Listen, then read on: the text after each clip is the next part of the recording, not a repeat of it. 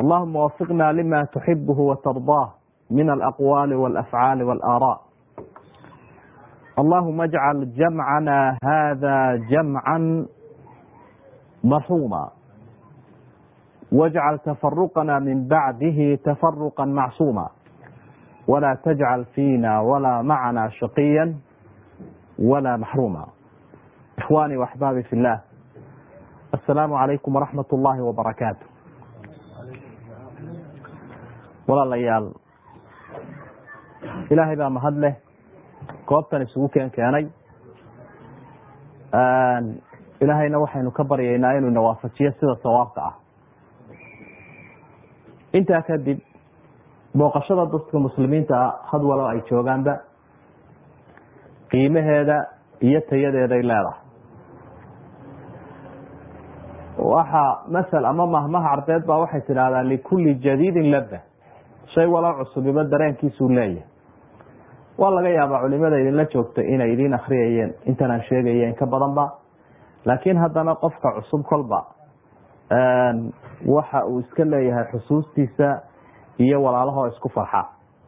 Marka sidaa igu farxdeen baan aniguna ugu faraxsanahay kulankiina ilaahayna waxaan ka baryayaa sida sawaabka inuu na waafajiyo intaa kadib walaalayaal mar walba inay dadka muslimiinta isu yimaadaan intii meel wada joogta iyo intii kala durugsaniba inay kulmaan waa arrin muhiima oo qiimaheeda leh oo isbaraarujinteeda leh oo kala faa'iidaysigeeda leh.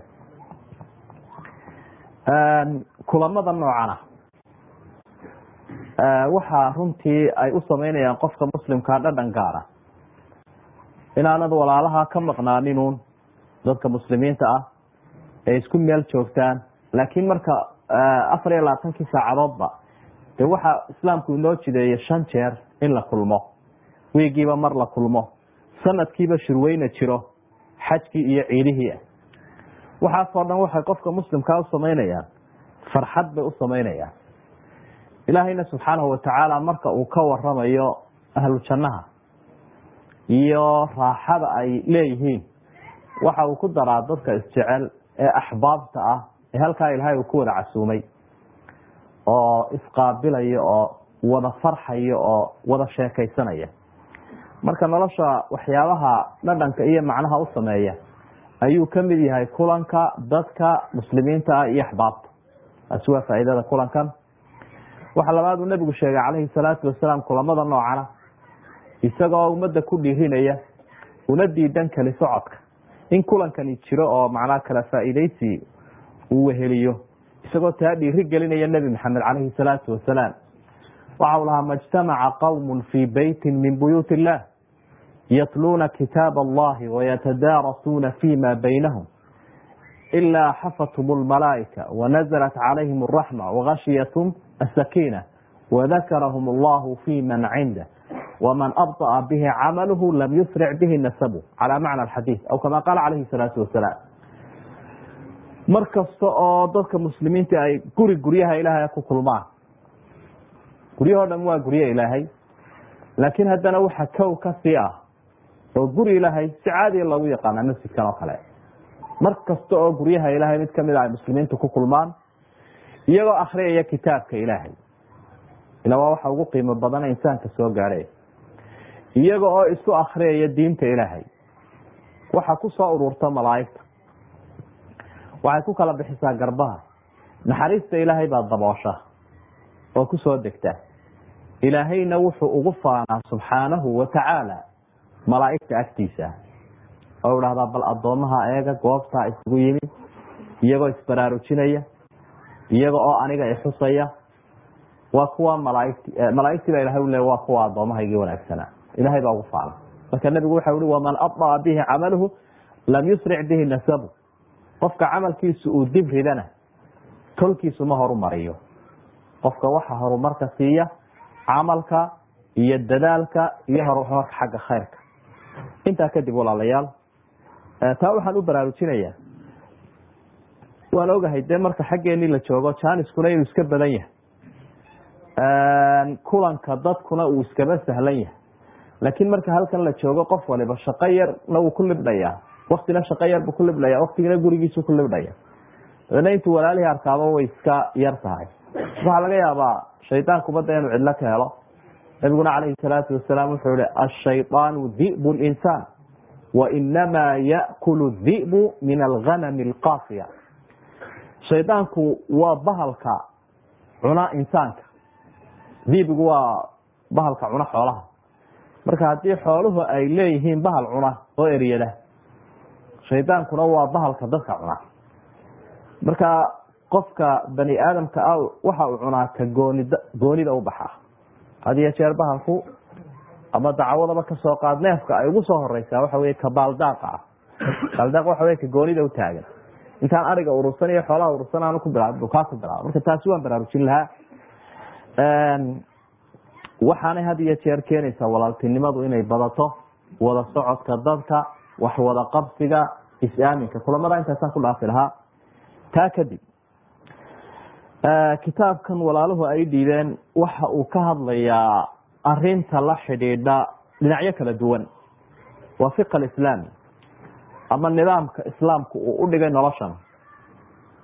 Sidaynu ogsoonyaha ogsoonnahay nidaamkan ilaahay uuna siiye ee uu nagu galade ummadaha kale aynu dheerna. Ilaahayna fahamsiiye nidaamka islaamka. Waxa uu leeyahay dhinacyo kala duwan. Dhinaca cibaadaadka iyo xidhiidhka ilaahay buu ka hadlayaa. Dhinaca mucaamalaadka iyo dadku inay wax wada qabsadaan oo ay wax kala iibsadaan macnaha oo wax isdhaafsadaan buu ka waramayaa wuxuu ka waramayaa nidaamka qoyska iyo usrada ayuu ka waramayaa wuxuu ka waramayaa nidaamkani. Qofku had iyo jeer haddii wax ka dhacaan gacani oo dhibaato uu geysto isaga iyo cidda uu dhibka ku sameeyey wixii loogu kala xaq qaadi lahaa iyo cadaaladii iyo garsoorkii marka dhinacyada kala duwan ee nolosha uu ka waramayo ayaa fiqiga islaamiga u xusaa. Marka qeybteenan hore waxa aynu ku qaadanaynaa insha allahu tacaala nidaamka la xidhiira mucaamalaadka. Dadku sida ay wax isu dhaafsadaan iyo si kale haddii loo eego iibka iyo axkaamta uu leeyahay iyo heshiisyada la saxeexo kuwaasuu ka waramaya gaar ahaan intan hore waxaynu kaga hadli doonaa beyca albayc. Marka waxaan filaya ina dee walaaluhu soo dooreen kolleyba axkaamta beeca oo baahi weyn loo qabo awgeed. Macnaha beecan iyo iibka markaad wax iibsanayso ila marnaba iib lagama maarmee oo marba qofkii meel buu wax ka soo iibsanaya mar iibkiisu wuu kooban yahay marna iibkiisu waa wax caam ahoo weyn. Mar qof baa wax iibsanaya marna dad badan baa wax iibsanaya marka iibku inuu sharciga waafaqo iyo shareecadda islaamka waa arrin aada iyo aada waajib u ah. Arrin waajiba weeye. Waxa ay faa'iide ka tahay qofku waxa uu cunayo iyo waxa uu la soo baxayaa inuu xalaal noqdo ayay faa'iide ka tahay. Haddii ay dhacdo qofku isagoo wax iibsanaya oo bayc iyo shiraa ku jira iyo baac mushtari. Inuu waafaqi waayo shareecadda haddii ay dhacdo wixiisi xaaraan buu noqonaya marka loo eego shareecadeena dabeedna qofkii oo lagaba yaabo inuu tabcayo oo uu wax soo saarayo xooggiisii ku shaqaystay. Haddii wixiisii ay xaaraan noqdaan waa ayaan daro sidaa darteed waxaa ka fursan karta xaaraanta ah iyo xumaanta maalkiisa ku imanaysa waxaa ka fursan karta inuu shareecadda waafajiyo sidoo kale dee xaaraanna wax sahlan maahe.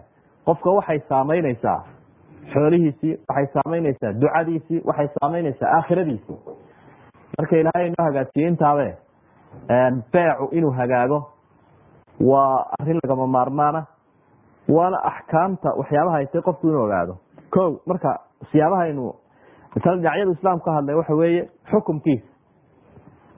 Manaa horta in wax la kala waa wax mubaaxa oo ilaahay baa baneeyey.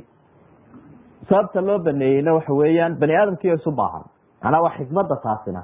Ilahay baa wuxu uhi waaxala allahu lbayca waxarama ariba ilaahay wuxuu xalaaleeyey iibka. Waxaanu xaaraantinimey ribada waxa la idhaahdo ribada waa xaaraan bayca bilaa ribadihina waa xalaal. Marka taas aayaddaas waxay tusinaysaa in wax la kala iibsado oo dadku ay wada dhaqmaan inay tahay arrin jaa-isa islaamkuna uu dhiiriyey. Xikmadda ku jirtana waa taa aynu sheegno bani aadamkii isu baahan wey qofna keligiis ma bixiyo. Cidda keligeed isbixinaysa waa ilahay subxaana in cidnaba u baahnayn. Ilaahay baan cidnaba u baahnayn. Laakiin qofka bani aadamkaahi waa qof aliifa waa qof wehel u baahan waa qof wax isdhaafsi u baahan. Adugu waxaad u baahan tahay kaa kale wuxuu hayo. Haddii xoog iyo xoolo iyo fikradba isaguna wuxuu u baahan yahay adigu waxaad hayso. Marka sidii la isu dhaafsan lahaa weeye beeco. Labadaas sidii la isu dhaafsan lahaa. Siyaabaha wax la isu dhaafsado ayuu ka mid yahay beeco. Waxaad ku qaadan kartaa walaalkaa xoolihiisa inuu ama ku siiyo ama dhaxalaad u hesho ama khaniimad cadow laga helo ay noqoto ama aad ka soo iibsato. Waa siyaabahaad ku qaadan karto qofka kale maalkiisa.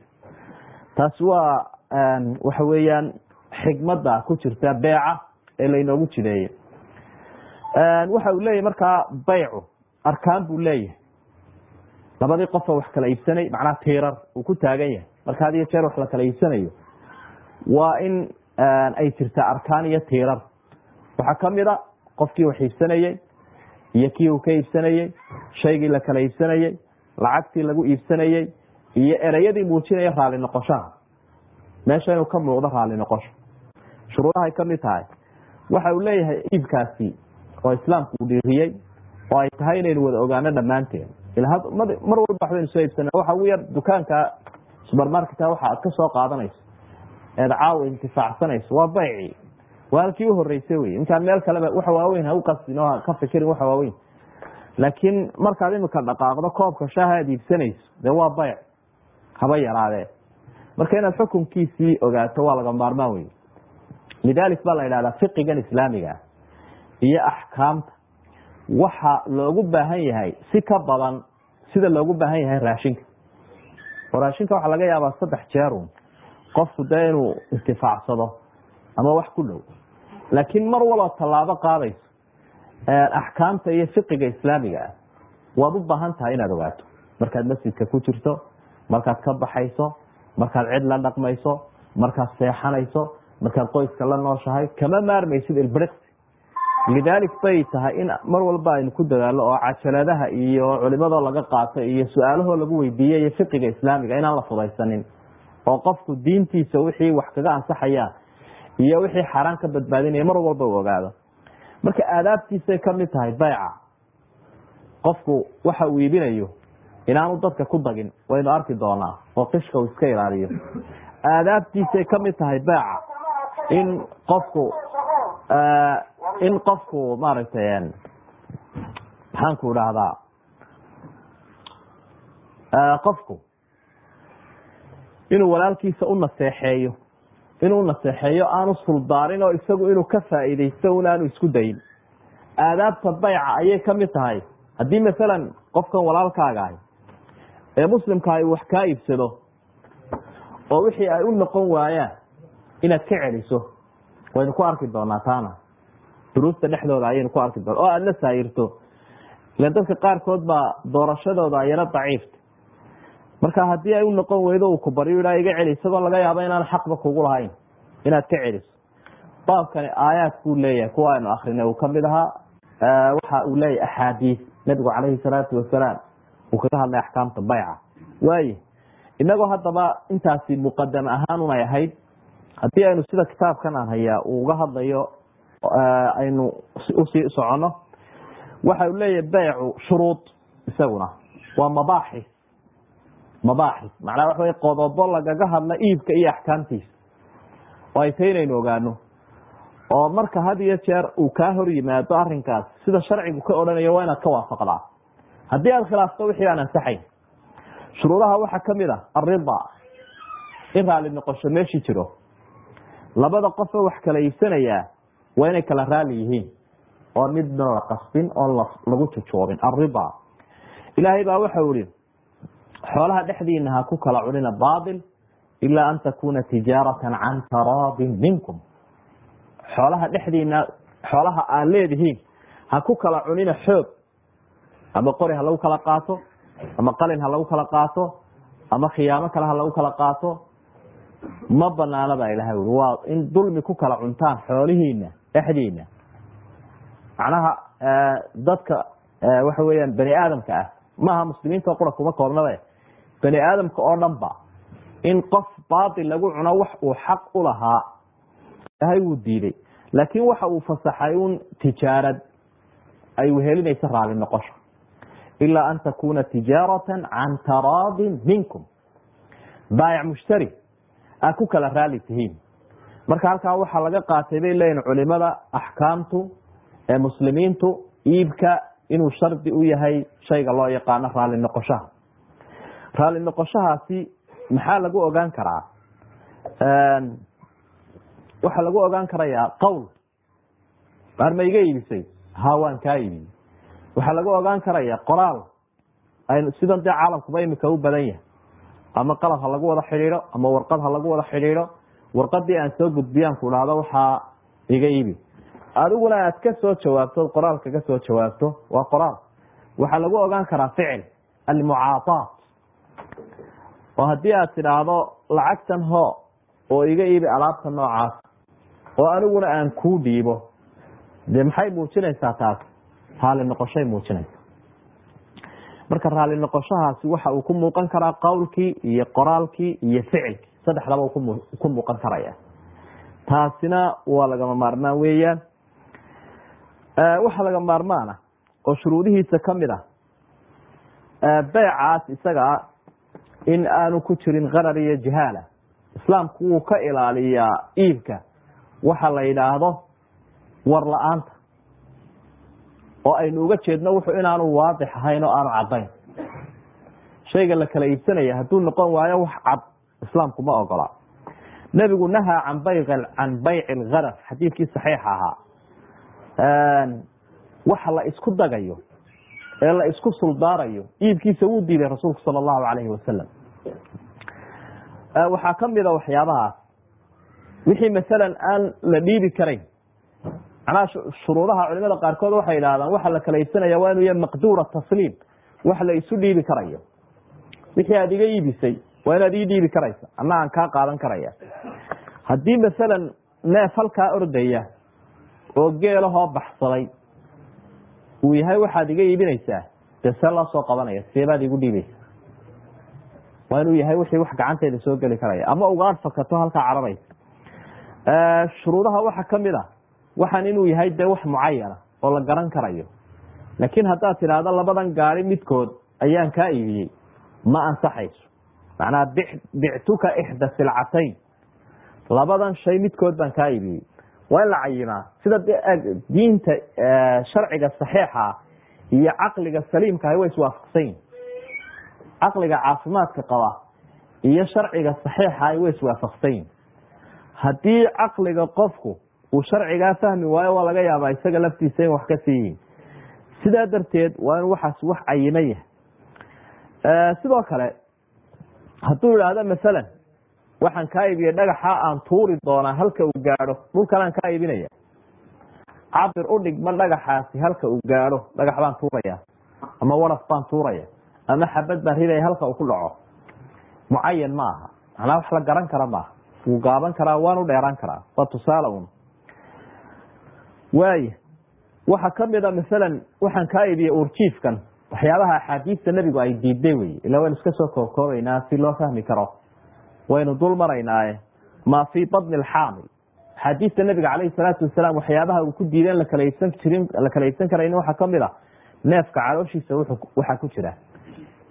Way garanayaan odayaashii hore waxaa loo yaqaanay urjiifka.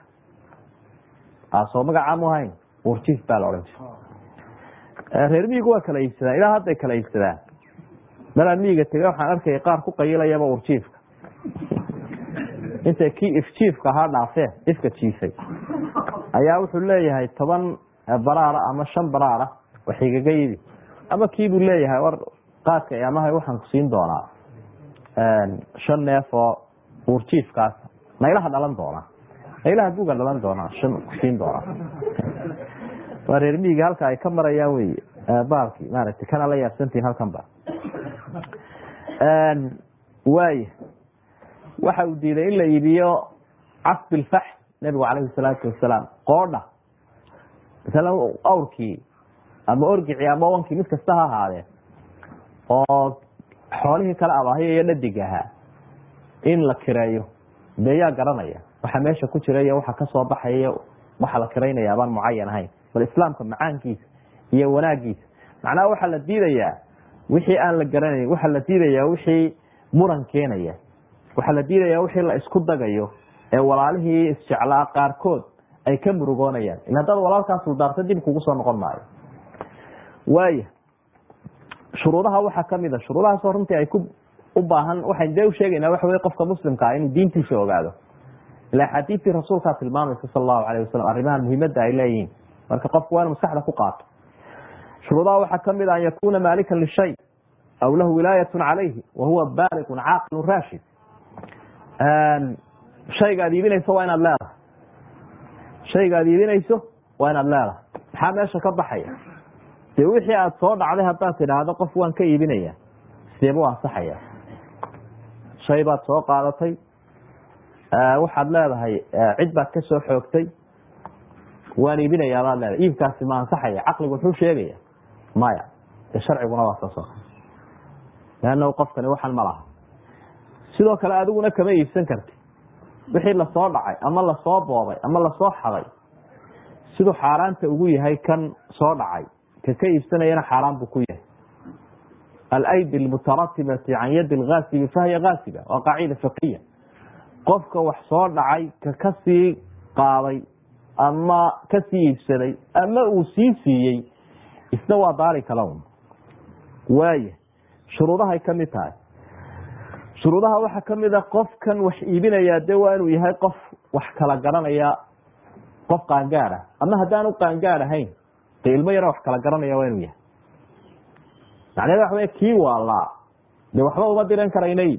Waynu arki doona axkaamtiisa qofkii yaraa ee sadiga ahaa laakiin aan qaangaadka ahayn waxba uma diran karayn. Sadigu hadduu qaangaad yahay oo qof mudakarahoo wax baayici karayo oo wax soo iibin karayo oo wax lagu aaminayo lagu kalsoon yahay uu yahay yaanu qaangaarin be waa ansaxayaa iibkiisu. Oo waktiga asxaabta waa la diran jiray carruurta dukaamada loo diran jiray. Waxbaa loo wakiilan jiray cid ka soo qaadi jireen saasoo kale. Marka iyaduna waa laga maarmaan qofku inuu yahay qof wax kala garanaya.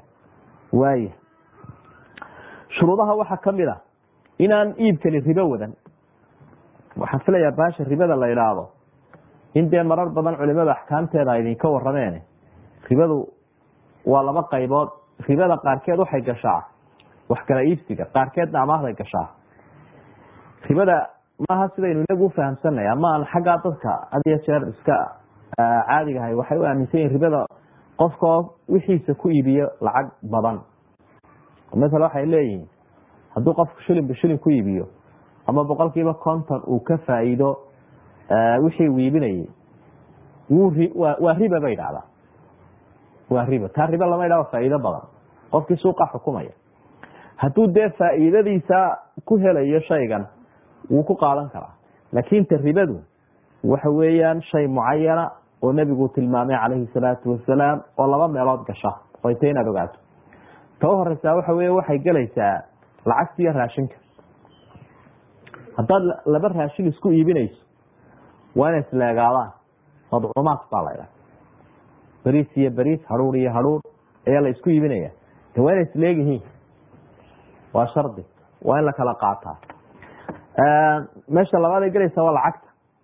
Laba lacagayo haddii la isku iibinayo la isku sarifayo oo ay isku nooc yihiin waa in la isleegeysiiyaa markaana la kala qaata labadaa shardi baa uxidhan hadday laakiin kala nooc yihiin labada lacagayo waa la kala badin karaa laakiin waa in markaa la kala qaataa. Islaamku wuxuu diidaya wixii muran ka imanayo. Taa waa laga yaaba inaydaan idinku aada u arag xikmadeeda annaga aada u aragnay. Xikmadda meeshaa ku jirta. Lacagtu markan ay inflationku jira ay baaxaadegeyso macnaa kor iyo hoos u socoto. Marka imika kala sarifataane aydaan kala qaadanin. Ee laga yaabo beri inaa isku soo noqotaan baa waxaa dhacaysaba in rayskiiba isbedelada ama wixii wax lagu kala qaadanayay. Kii markaa dheeraad helaya wuxuu jeclaanayaa heshiiskii shalayta la galay inuu socdo. Kan kalena meesha ay khasaaruhu ku yimid ee wixii hoos u dhacay qaadanayaana wuxuu leeyahay heshiiskii shalay waxba kama jiraan leanna maynu kala qaadan. Marka islaamkuna wuxuuba mar walba diidaya ama murankaasuu diidaya. Marka xikmada loogu diiday sarifka in loogu kala tago iyadoon la kala qaadanin waa taa weye khusuumada iyo khilaafka ka iman kara. Ayaa meesha la deerifaynaya la diidaya waaya ribadu markaa iibka noocaasa way gashaa. Marka wixii la kala sarifanayo iyo wixii raashine la kala iibsanayo iibkaasi waa inuu ka maran yahay ribada. Haddii la amaahanayana amaahdaasi dee waa inaanay wadanin wixii dulsaarka la odhan jiray. Ee maanta aragteen in fara badan dadka sanka laga gelinayo. Waay marka iibka inta badan wuxuu gelayaa iminka markaynu beeca marayno waa sarifkii lacagaha iyo raashinkii la kala iibsanayo shuruudahaasuu leeyahy in la kala qaato oo aan lagu kala tegin. Waaya taasi waa taa weeye sidaa daraaddeed baa nebigu calayhi salaatu wasalaam uu aada u adkeynayay taa. Waxa uu maaragtay adkeynayey labada shay ee isku midka ah in aan lagu kala tegin qabla tafaruq iyadoon la kala qaadanin. Waaya waxaa kaluu diidaya bahasha timirta la idhaahdo in la isku iibiyo in la isku iibiyo. Nahaa annabiyu sal allahu alayh wasalam can bayci muzaabana wa huwa shiraau tamri bitamri fi ru'uusi nakl shiraau tamri bitamr wey fii ru'uusi nakl midhahan dhulka yaalla oo lagu iibiyo kuwaa geedka saaran maadaamay nuqsaani ku imanayso. Xaalad gaara buu fasaxay oo marka duruufi jirta ah oo mid loo yaqaano bayc lcaraaya fi ma duna khamsati awsuq shara tirar wixii ka yar. Shara tirar wixii ka yar buu xaalad gaara fasaxay. Timaha midhaha dhulka yaalla ama timirta in lagu iibin karo kuwa geedka saaran.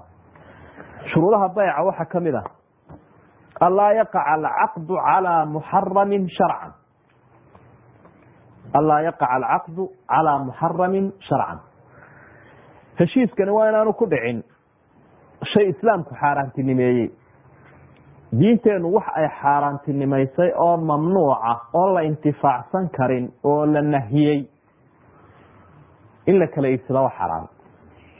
Waa shuruudihii iibka wey shuruudihii iibkaynu tirinayna oo ku xisaabtankooda le runtii waxa uu markaa islaamku u xaaraantinimeeyey waa imaa licayni isaga lafahaantiisa ayaa xaraama. Masala nebigu wuxuu diiday nahaa sala allahu calayhi wasalam can bayci alkhamri waalmaytati waalasnaam muttafaqun calayh xadiidkii saxiixa wuxuu nebigu diiday calayhi salaatu wasalaam khamriga in la iibiyo iyo baktiga in la iibiyo iyo sanamka in la iibiyo dee doofaarkiina waa isaguna waxyaaba qur'aanku iyo xadiidkuba ay xaaraantinimeeyen wey marka kaas cayntiisa xaaraama khamriga laftiisa doofaarka laftiisa sanamkan la caabudo ile waa la kala iibsan jire iminka adduunyada de wixii bahalkaa caabudaa intoo la soo qoro qaarna shaqaalay ka yihiin oo way soo qoraa hindiyaan ku arkayay qaar ay leeyihiin qaar ay addoommo u yaqaanaan ayaa soo qora. Markaasay ka iibsadaan sanamkoodii. Kii ay xaqirayeen addoonka u yaqaaneen ayaa sanamkii ay soo qoreen ay ka iibsanayaan. Markaasa caanay ku maydhayaan. Waxay kuleeyihiin kii baa laga nadiifinaya gacantiisa soo qoray. Kii soo sameeyey bahalkana soo qoree soo farsameeyey ayaynu ka maydhaynaa farihiisii iyo wixiisio waynu ka caanay ku maydhayaan. Marka sanamka noocaas oo saa loo kala iibsan jiray ayuu nabigu leeya calayhi salaatu wasalaam in la kala iibsaday isaguna waa xaraam. Baktigiina waxaa loo yaqaana xagga sharciga. Waa wixii aan gowrac sharciga ku dhicinba. Shay kasta oo sida shareecadu ay u dhigtay aan loo gowracin waa bakti uun. Walow haba la isku dayo in la rifrifo ama gowrac wax laydhaha lagu sameeyo. Mar haddaanu gowracii sharciga ha ku dhicin gowracuna dee axkaam buu leeyahay. Waxaa loo yaqaana un bakti marka halkaa waxaad ka arkaysaa waxyaabaha uu iibkooda diiday sababta u diiday waxa weeyaan cayntiisa nijaasa cayntiisa xaraama lafahaantiisa macnaha wima lima yataratabu calayhi min qatiicati lmuslim waxyaabaha qaarkood ayaa laftiisu aan xaraam ahayn. Oo iibkiisa sababta loo diiday ma aha shayganoo xaraama. Laakiin sababta loo diiday waxa wey mushkilad ka dhalanaysa oo bulshada islaamka dhexdeeda ku haraysa. Mushkila dadka muslimiinta ah iibkan uu ku reebayo dhexdooda ayaa loo diiday oo diidmadii baa marna shayga laftiisa ah marna shay la soo xidhiidhaya. Ah masale nebigu calayhi salaatu wasalaam waxa uu diiday can ilbayci calaa bayci lmuslim washiraai calaa shiraai lmuslim wanajs waxa uu diiday qofku qof wax iibsanaya inuu ku dul iibiyo ama qof wax iibsada inuu dul baxo ama qof inuu ku eriyo. Isku filisida ama waxaa la idhaahda isku eriga. U xaaraantinimeyey rasuulku sala allahu calayhi wasalam marka iibka noocaasa haddaad gasho oo walaalkaayo halkan iibinaya masel kabaradan oo kale ayaa waxaa tihi hebelo waxba ka iibsani mid ka jaban baan ku hayaa. Mid ka jaban ayaan ku hayaa. Waa iibka dadka ducafada ay isticmaalaan. Waxba ha ka iibsani. Arrintu markay noocaas oo kale u taalo xaasidnimada intaa lag islaamku. Haddii kii noocaa lahaa sidaa u socday uu sidaa wixii ku iibiyo iibkaa isagaa waa xaaraantinimeeyey. Sida culimada u badan yihiin de waxaan haddii la nahiyo waa baabil buu noqonaya uu buraya in fara badanoo kamida culimada maadaama de wixii wax la nahiye u yahay waa buraya shira iyo beyc waa saas oo kale. Waaya majsiguna waa isku erigi shaygaas la kala iibsanaya xaaraan maaha waaba wax xalaalahoo caadiyahoo jaa-is ah. Laakiin sababtan baa xaaraantinimaysay dariiqadan iibkaaga aad u martay. Marka iibka noocaasina waa xaraam weeye. Waxyaabaha loo diidayo nabigu calayhi salaatu wasalaam wuxuu diiday can tafriiqi bayna dawi raximi fi raqiiq. Oo adoomahoo kale dadkii isdhalay in la iibiyo. Waaya waxaa kamida mael waxyaabaha loo diiday iibkooda sabab la xidhiidhsan daraaddeed.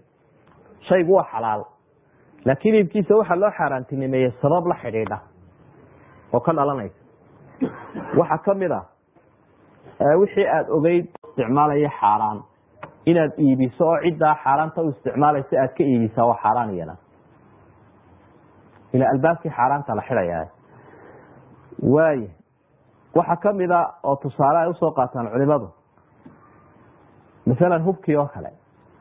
Hubkii baad iibin qofku hub buu hayaa oo iibinaya wuxuu ogyahay hebelkan ka iibsanayaa inuu isticmaalayo dadkii muslimiinta allayntooda inuu isticmaalayo fitnadii inuu isticmaalayo jidgoyna uu ku gelayo marka hebelka si caadiya isaga haysanaya ee isku difaacaya ee aada og tahay iyo hebelka aada og tahay kii uu cadaysnaa uu ku dilayay inuu iibsanayo dee labadaasi ma isku mid bay noqonaya isku mid noqon maayo labadaas. Marka hubkan la haysto hubkan isaga ah qofkan uu qaadanayo iibkiisu xaaraan maaha lafahaantiisa laakiin maanta wuxuu xaaraan kaaga noqonaya sababta la xidhiidha daraaddeed ayuu xaaraan kaaga noqonaya. Macnaa inu qofku isdhegatiro baa dawadan farmasiga taalla ee uu qofku iibinayo ayaa qofkii isku daweynayana ay tahay in laga iibiyo. Kii ku sakraamayana maxaa la yeelaya laga iibin maayo ka isku guraya daldalayo aada ogsoon tahay inuu bahalkan u isticmaalo sakradda tayse laga iibin maayo. Marka waa dawo. Shay si loo isticmaalayo isticmaali karayo weeyaan dariiqad xalaala loo isticmaali karo tu xaraama loo isticmaali karo. Maadaama uu laba weji leeyahay waa ku xisaabtantaa qofka aada ka iibinayso. Goorta uu xaaraanta noqonayaana waa marka aada og tahay qofkan sida uu isticmaalaya laakiin markaanaad ogeyn de iyadu waa iibin karaya qofki waaya kashtiraa ljawzi walbayd lilqamaar wasilaaxi lilfitna wacalaa qitaaci ariiq macnaha qalabka qaarkood oo jawska iyo macnaha beedka iyo sha waxyaabaha waxa loo isticmaala iyagana qamaarka manaa aalada qaarkood qalabka qaarkood buu qofkii ayaad og tahay hadduu qaato inuu khamaar u isticmaalayo oo ku khamaarayo marka ha ka iibin kaana. Macnaheedu markaa waxay noqonaysaa qofka muslimkaa ma eegayo sida qofka gaalka ay u fikiro. Maxaan ka helaya? Ama sidaan adduun ku helaa qofka muslimkaah kama fikirayo. Laakiin wuxuu ka fikirayaa maalka ku soo gelaya xalaal ma yahay mise xaaraan taasuu ka fikiraya. Leannahu qofka muslimka ahi waxa uu ku qanacsan yahay xadiidkii rasuulka sala allahu calayhi wasalam ee uu nebigu tilmaamay su'aalaha ugu horreeya ee liiska ilaahay marka uu furo maalinta xisaabta su'aalaha ugu horreeya ee qofka la weydiinayo markuu qabriga ka soo baxo su'aalihii maalkaa ka mid ah. Maalkan aynu ka hadlayno wax sahlan ha u qaadan. Su'aalaha ugu horreeya qofkii la weydiinaya waxaa ku jira maalkiisii halkuu ka soo kasbatay baa laleeyahy malafkiisi iyo faylkii su'aasha marka loo furo qabriga uu ka soo baxo ilahay wuxuu leeyahy xoolahaagii min ayna iktasabta wa fii ayna anfaqta halkeed ka soo kasbatay xoolaha ma xalaal mise xaraam? Halkeed ka ku bixisay ma dariiqo xalaala mise dariiqo xaraama wax xoolahaan aynu nidhaahno waa waxaygii. Anigaa shaqaystay. Meeshan doonaan ku bixinaya dadka qaarkood iska leeyihiin la waaba afarta su'aalood ee ugu horreeya waxay ku saabsan yihiin cimriga iyo maalka dhaqaalaha iyo waktiga labadaasay qaalinimadooday tilmaamayaan iyo nicmada weyne ay yihiin awgeed. Sidaa darteed qofkaa isaga ahi waxaan uga jeednaayo inoo geeya xadiidkaas in aad ku xisaabtanto maalkaagu halkuu kaa soo gelayo maadaam su'aashii aakhira ay dambayso oo maalinta qiyaamaha ilaahay uu ku weydiin doono. Halka qofka gaalka uu ku fikirayo sideed maal u heshaa dariiqaduu doonaya ha ka galo. Taasoo runtii dad badan oo muslimiin oo diintooda aan ilaashanaynin waktigan iskaga badan hebel muxuu shaqaystaa? Ama daroogo ha iibiyo? Ama ha iibiyo? Si xaaraana waxa ku soo qaato? Maal uun ma soo galaa. Xoola uun ma helaa un aakhira danteeda ma dibirayaa un qofkani hadduu sidaa ufikiro ceeb weyn baa jirta ceeb weyn. Marka shuruudaha waxaa ka mid a waxa uu qofkani iibinaya waa inuu yahay xalaal caqadkan dhacaya iyo heshiiskan guntamaya heshiis shareecadu ay ogoshahay waa inuu yahay taasuna waa taa weeye. Waaya waxaa kamida iyaduna. Waxyaabaha la diiday kamida xeeladaysiga. Nabi maxamed macnaa xagga iibka waa ka ilaalisaa xeelada si wax lagaa xaaraantinimeeyey. Qoorta ha kaga soo wareegin. Hadii la yidha xaaraanta albaabka ha ka gelin daaqadana ha ka gelin haddii xaaraantii la xaaraantinimeeyey ka wadaha oo qiilal kala duduwan ha u raadsani. Nabigu calayhi salaatu wasalaam waxa uu lahaa laa tartakibuu martakabat lyahuud fatastaxiluu maxaarim allahi biadna alxiyal war xaaraantii yahuudda ku dhacday ha ku dhicina. Xaaraanta ha ku xalaashanina xeelad yar. Xaaraanta ha ku xalaashanina xeelado kala duwan. Macnaha ha u qiil dayn shayga xaaraanta qoorta ha kaga soo wareegi masale waxaa ka mid noqon kara ataxayul calayhi bilciina bayc lciina oo kale uu nabigu diiday calayhi salaatu wasalaam bayc lciina bayc lciina waxa wey qof baa wuxuu kuleeyahay waar lacag amaahiyo dulsaar aan kuu saaro. Boqol kun ee amaahiyo shan kun aan kuu saaro. Sida dee bahasha amaahda imika ay u badanta ee baananka iyo maxaanku dhahda ciddii wax amaahinaysaba de waynu naqaanaa bahashii ribada. Ilaa xagga iyagaasay soo gaale. Halkanoo qura kuma ege ilaa xagga iyaga hay'adaha fuliya. Oo hay'aduhu waxay la imanayaan lacag baanu idin amaahinayna. Xoogaa yaroo seerfisoo shaqaalaha ana waa la idin saaraya. Wax sii badan maahe ribo kale maahe. Guriga iyo gaadhiga iyo shaqaalaha xafiiska iyo waraaqaha iyo waxaasaa lagu yaro khaarajinaya. Dadka farsamadaasay ugu dhiibayaan oo marka laydhaha islaamka iyaguma ogolo amaha dulsaar leh. Aya dabeetana waxyaabaha lagu yar xawaasheynaya la odhanaya maaha wax kale laakin waa inahaasun waxaanay sheegayaana waa kharash. Kharash kastaana waa dakli un oo haddii qoofkii kharashba laga bixiyey dee waxa laga bixiyey waa dakli soo galay marka bayc lciina oo nabigu nahiyey calayhi salaatu wasalaam waxa weeye qofkii halkii intuu lacag cid amaahiyo dulsaar uu saari lahaa ayuu wax ka iibinaya wuxuu leeyahay hebelow shayganaan kaa iibiye boqol kun iga siiso. Boqolkii kun buu ka siisanaya isagoo halkii jooga markay kala guddoonteen ay la kala wareegeen ayuu leeyahay haddaba aniga iga iibiyo sideetan kun iga sii. Shaygiisi wuu soo noqdee markaysa shaygiisi wuu soo noqdo dibbu kii uu ka iibiyey buu dib uga soo iibsaday. Dee labaatan kun baa farqigahoo soo baxay. Labaatankaasu markaa ayaa isagii u saaran meesha oo faa'iidaha oo ka soo baxaya marka meeshii waxa wey ninkii waxun bu amaahiyey amaahdii dulsaarka lahayd meeshii way ka soo baxday amaahdii dulsaarka lahayd baa meeshii tegi waaya waa kaa kuu sheegayo ataxaayul masala waxa uu noqon karaa bayc ataxayu bian yabiica silcatan bimia ilaa ajalin. Alaab buu kaga iibinaya waktiyeysan uma yashtariha min mushtariha biaqala minha naqdan. Lacagtii uu ka siiyey in ka yar buu kaga soo iibsanaya oo naqaba midna wuxuu leeyahay.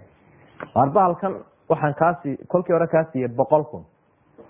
Boqol kun baan kaa siiyey adigu iga iibi. Oo dib iga soo iibi. Oo sideetan kun iga sii. Tusaale haddayna miiskan oo kale. Ninkii lacagta nin lacag doonayaa ku yimi aada uma yar fahmaan dadku had iyo jeer bayculciina nin lacag doonaya boqol kun oo amaaha ayaa ku yimi.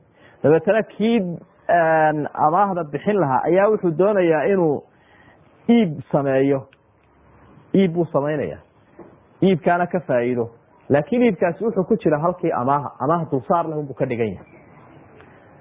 Marka wuxuu ku lacag cadaanahoo dulsaar leh ku amaahin maayo. Laakiin waxbaan kaa iibinaya waan ka faa'iidaya dariiqa noocaas. Marka wuxuu leeyahy miiskan boqol kun iga siiso wuu ka siisanaya wuxuu leeyahy miiskii dib iga iibi. Oo adigu waxaad qaadataa sideetankan kun. Sideetankiibuu ninkii siinaya maxaa dheeraada u saaran dee labaatan? Marka sideetan kun buu amaahiyey hadhowta qofkii muxuu soo celinaya boqol buu soo celinaya labaatanku xagee ka yimaadeen de sideetankan unbay saaran yihiin eeg waa farsamo. Xaaraantii unbuu farsameeyey. Ninkii lahaa boqolka boqolka kun ee amaahi halkuu boqol saafiya ka amaahin lahaa. Iminka wuxuu amaahiyey sideetan waxaanu soo celinayaa boqol. Sababtaana waddada uu maray waa iib iib ku sheeg wey bayculciina saasuu nabigu u diiday calayhi salaatu wasalaam. Waa amaah dulsaar lahun baa meesha kaashunbuu ninkan u dhiibay. Waxaan la yar kala iibibsadee lala kala noqday ha eegine. Sideetan kunun buu udhiibay xaasilkun baa laga raacaaday. Sideetan kun buu udhiibay boqolna. Waa loo soo celiyey halkaasun baa laga raacaya waaya waxyaabaha masel taxaayulka ka mid waxaa kamida baycu xuliyin fida macahu kayruhu bifida aw muddu cadwa wa dirham bidirham taasoo kale wey waa shay ah iyo wax kaloo isku jira. Ayaa isagana la diiday. Haddii la yidhi masalan lacag lacag yaan lagu sarifin iyagoo kala badan. Haddii wax kale ay la socdaanna waa la mid lacag iyo bagaash lacag iyo raashin laba waxoo isku jira. Wixii ribowig ahaa iyo wax kaloo isku jira. Isagana waa la diiday waa nabiga calayhi salaatu wasalaam. Waxaa la weydiiyey can bayci tamri birudab nebi maxamed oo timirta iyo rudabka ma isku yibinaa? Ayaa la su'aalay. Timirtu waa dee bahashan taa bisil ee dhulka taalle la garanayo kiiloogeeda sugantay. Rudabkuna waa xasiidan timirta ee saaran geedka ee weli malabkii leh ee weli miisaankeedu aanu istaagin. Labadaa ma isku iibin karnaa. Markaa nabigu calayhi salaatu wasalaam dee shaaric buu ahaa ummadda sharciga u dejinaya su'aaluhu may hoos maraynin had iyo jeer oo ilaahay baa ilaalinayay. Marka su'aal la weydiiye arinku iftiimin uu ubaahan yahay. Su'aal kaleu soo dhigi jiray. Su'aashaa su'aal kale su'aal labaad su'aal saddexaad haddii loo baahdo si jawaabta rasmiga loo helo. Markaa su'aal buu nabigu weydiiyey calayhi salaatu wasalam waa ka yidhi ayanqusu idaa jaf baashan midhaha geedka saaran ee xasiidaa timirtu marka la soo jaru engego ma nuqsaamaya dee haabaa layihi markaa wuxuu hi maya la iskuma iibin karo. Sababtu waa maxay? Midi wuu taagan yahay miisaankiisa midina wuu socdaa. Marka hadhowta lama garan karo miisaankiisu. Kan miyuu la egaanaya miyuu ka yaraanaya miyuu ka badan karaa? Wixiina laba raashinna muxuu ahaa sidaynu soo marayna marka la isku iibinayo shardigoodu. Inay he isleegyihin ba ahayd. Marka isla baan jirin shardigaa meesha ka baxay. Marka taas oo kale labadii markii shay shaygii ribowiga ahaa iyo kan kale la socda waxaan la garan karaynin miisaankoodu inuu isleeg yahay iyo in kale. Waa sidii kuushii oo kale. Kuul maalkii khasiga la odhan jiray. Kuul dahab iyo wax kale ay ku wada jireen. Ayaa lagu iibinaya ayaa soo iibsay markaasu nabigu lahaa kala saara. Si uu kala baxo shayga dahabka iyo waxa kale. Waaya waxaa kala u iibiyey nabigu calayhi salaatu wasalaam uu nahiyey baan leeya nahaa can bayci subrati min atamr laa yuclamu makiiluha bilkayli musama min atamri. Xadiidkii saxiixu muslim ku sugnaa. Asubra min atamr subradu waa uudka ama tuulka. Hadii bahal timir meeshaa lagu tuulay ama bariis meeshaa lagu tuulay alaab la tuulay oo miisaankeedii la garanayni wixina wuxuu shardi ahaa in miisaankiisa la garanayaaba ayaa shardi ahaa. Ama baycu ma fi dhimma fain kaana calى man huwa calayhi jaaza isagu masalo kale si yara iftiimiyo ah.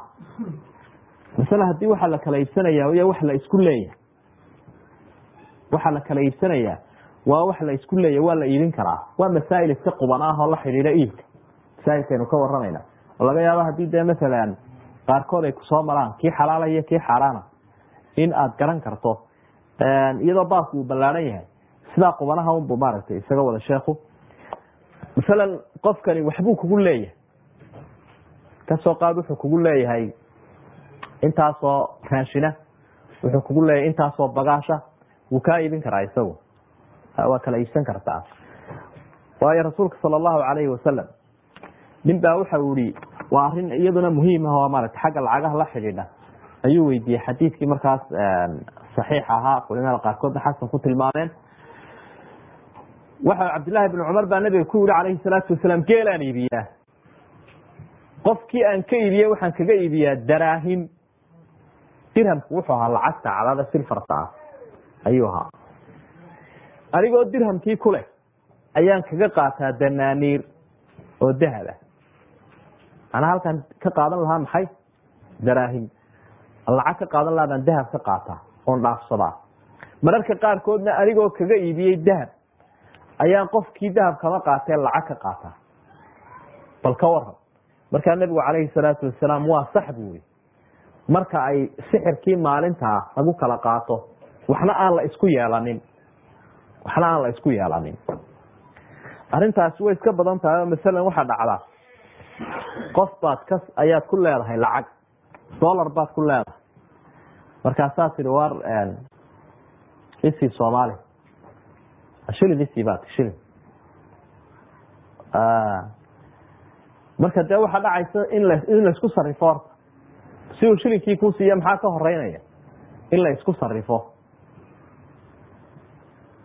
sarifkaa kadib inaad dabeetana shilinkii qaadato macnaheedu waxa weeyaan kala gudoomashadii meeshii way taallaawn ee waxba shardi maaha inaad tidhaahdo horta dolarkii isiiyo markaad ii dhiibto aan kala sarifano ana aan dolarka ku siiyo adiguna shilinka isii taasi in wadadaa la maraa waxba shardi maaha. Ee wuxuu nabigu leeya calayhi salaatu wasalaam qofkan lacagta aad ku leedahay tu kale waad kaga bedelan kartaa. Mar haddii aad kala qaadanaysaa macnahedu waxa wey qofka wax kuu sii hayey waxa uu ku sii hayay waa waxaad u dhiibtay oo kale un waxa uu ku sii hayay imika xagga iyagaa way iska badantay. Qofku intuu ka sii isticmaalo shilin buu ka sii isticmaalaya oo uu ka sii biishanaya muddo dheer buu ka sii qaadanaya. Dabeedna wuxuu leeyahay hooyo ka gooso intaadi intaadi wataase ka gooso buu leeyahay waa sax laakiin waa sarif waa la kala sarifanaya ya? Waa kala sarifanaysaa ee markaasun kala go-a. Hayse sii jeedanina si kale haddaynu udhigno qofkii lacagta haddii lacagtii lagu soo xawilay oo qofkii uu ku hayo uu ku hayo oo aad tidhaahdo kaa guddoontae. Ii hay oo wixii ay kuu sugmaan oo dollar uu ku hayo. Dee waad ka qaadan karaysaa shilinkii ee shardi maaha inaad tidhahdo horta dollarka keen. Mar hadduu ku soo gaadhsiiyey oo waxa uu ku hayaa waan ku hayaa bui shan boqol oo dollar oo lagu soo xawilay daruuri maaha inaad shantii boqol ka qaadate. Isagoo ku hayaad odhan kartaa haddaba isi ka halkan maxaa la idhaha karoonkiisi baad wa markaa marka waa kaa nabigula calayhi salaatu wasalaam laa ba'sa an ta'khudaha bisicri yawmiha maa lam yatafaraqa wa shayun. Maa lam tatafaraqa bay udhigan tahay. Markaydaan kala tegin idinkoo wax isku leedin ha kala tegin un laakiin waa sarifa kala go-a. Ku kala go-a marka. Waaya taasina waa waxyaabaha iyaduna baraarujinta mudan. Masaa'ilka markaa isaguna meesha iibka lagaga saarayo muranka keeni kara waxa weeye kitaabku uu dhigayo baycu lusuli watimaar marka la iibinayo masalan beeraha beeraha kolka la kala iibsanayo midhuhu ku yaalaan islaamkeenu wuxuu shardi ka dhigayaa in labadii qof la kala xukumo midhihii yaa yeelanaya. Geed beer baad iibisay cinabkii uu ku yaalo geed timireedkii uu ku yaalo. Marka taasuu nebigu ka jawaabaya wuxuu leey man baaca naklan bacda an tu'abara fasamaratuha lilbaayic ilaa an yashtaridaha almuftaac qofku hadduu iibiyo beer beertaasina ay gaadhay waktigii bacriminta. Oo la bacrimiyey oo ay isku hagaagtay. Waxa qaadanaya qofkii iibiyey ayaa iskale ilaa inay shardi ka dhigtaan mooyaane. Waxaa kaloo nabigu diiday calayhi salaatu wasalaam waxa midhaha la idhaahdo in la kala iibsado geedka saaran iyagoo weli aan bislaamin xataa yabduwa salaaxuha meeshii la muran baa ka soo baxaya muran baa ka soo baxaya wanahaa can bayci lxabi xataa yashtad firidii arabakidii iyo haruurkii iyo ilaa ay wanaagsanaato o isku hagaagto oo oo caanogeliyo inta ka horeysa in la kala iibsado waa diiday waa waxyaabaa laga yaaba inay idinka yar durugsan yihiin waxaa laga taxadirayaa qofku midhihii iibsadaba inay ba'aan dabeedna adiguna lacagtii una doonto isaguna midhihii unuu doono. De isqabsi baa bilaabmaya mar walba islaamku waxa uu ka taxatiraya laga hortegaya waxa la idhahda isqabsiga. Isqabsiga. Nahaa can bayci lxabi xataa yashtad. Xabigu waa xubuubkii iyo firidii. Ilaa uu adkaado oo loo arko inuu ka nabadgelayo biitaankii uu bii lahaa. Waaya waa kaa nabigule xoolaha walaalkaa maxaad ku qaadanaysa? Waxa muhiima inaad ogaato o aynu u sii gudbi lahayn alkhiyaar fi lbayc labada qof marka ay wax kala iibsadaan iibkii baynu weli ku dhex jirnaa islaamkeenu waxa uu qofka siiye ikhtiyaar wax la idhaahdo ikhtiyaar ikhtiyaarka sababta loo siiyana waxa wey inuu meeshii sii jiro raali noqoshihii qur'aanku qur'aanku raali noqosho shardi ka dhigay aayaddii aynu soo akrinay sidii ay tilmaamaysa marka raali noqoshihii si uu sii jiro ikhtiyaar baa ayaa meeshii jira ikhtiyaarkaasina saddex arimood buu la xidhiidhaa khiyaaru lmajlis wa khiyaaru shardi wa khiyaaru lcayn inaad arintaa ogaataa waa muhiim. Axkaamtana aada ogaataa. Waxa ay keenaysaa inaad gartaada akrisato layskama akriyayo wacdi un maaha waxa wey nidaam ay tahay in lagu socdo. Waa nidaamkii la hirgelin lahaa. Nin baa wuxu weligay gar laygama helin. Soomaaliya maxaa dhacay? Gartaydumaa marka horeba sii akriya intaana geedka tegino. Haddaan gar leeyahayna meeshaba waan tagaa buuli haddii kalena raalli ahaada un baa idhahaa waxaygii wixii laygu lahaa waan bixinayaa. Ama waxba malihiye iska tegay taasi say ku iman karaysa. De qofku waanu gartiisii garanayaa ka horeysa haddaanu gartiisii garanaynin dee ma sii akrii karayo.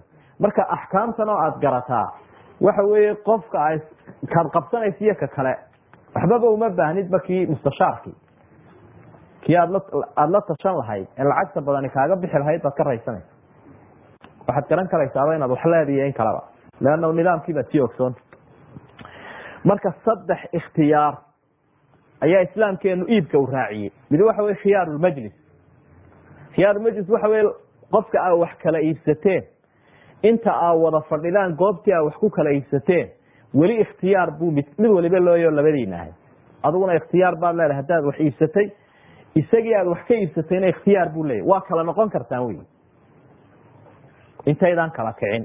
Waxaad odhan kartaa hebelow iga raalli haw iibkii waan ka noqday waan kasalgareeyay isaguna wuu ka odhan karaa adiguna waad odhan karta khiyaar lmajlis nabigu wuxuu leeya calayhi salaatu wasalaam xadiidkii saxiixa ah wa ashaadiqu lmasuuq idaa tabaayaca arajulaani falikuli waaxidin minhuma bilkhiyaari maa lam yatafaraqa labada qof oo wax kala ikhtiyaar bay leeyihiin. Mid waliba uu leeyahy intaanay he kala kicin. Ee aanay kala tegin.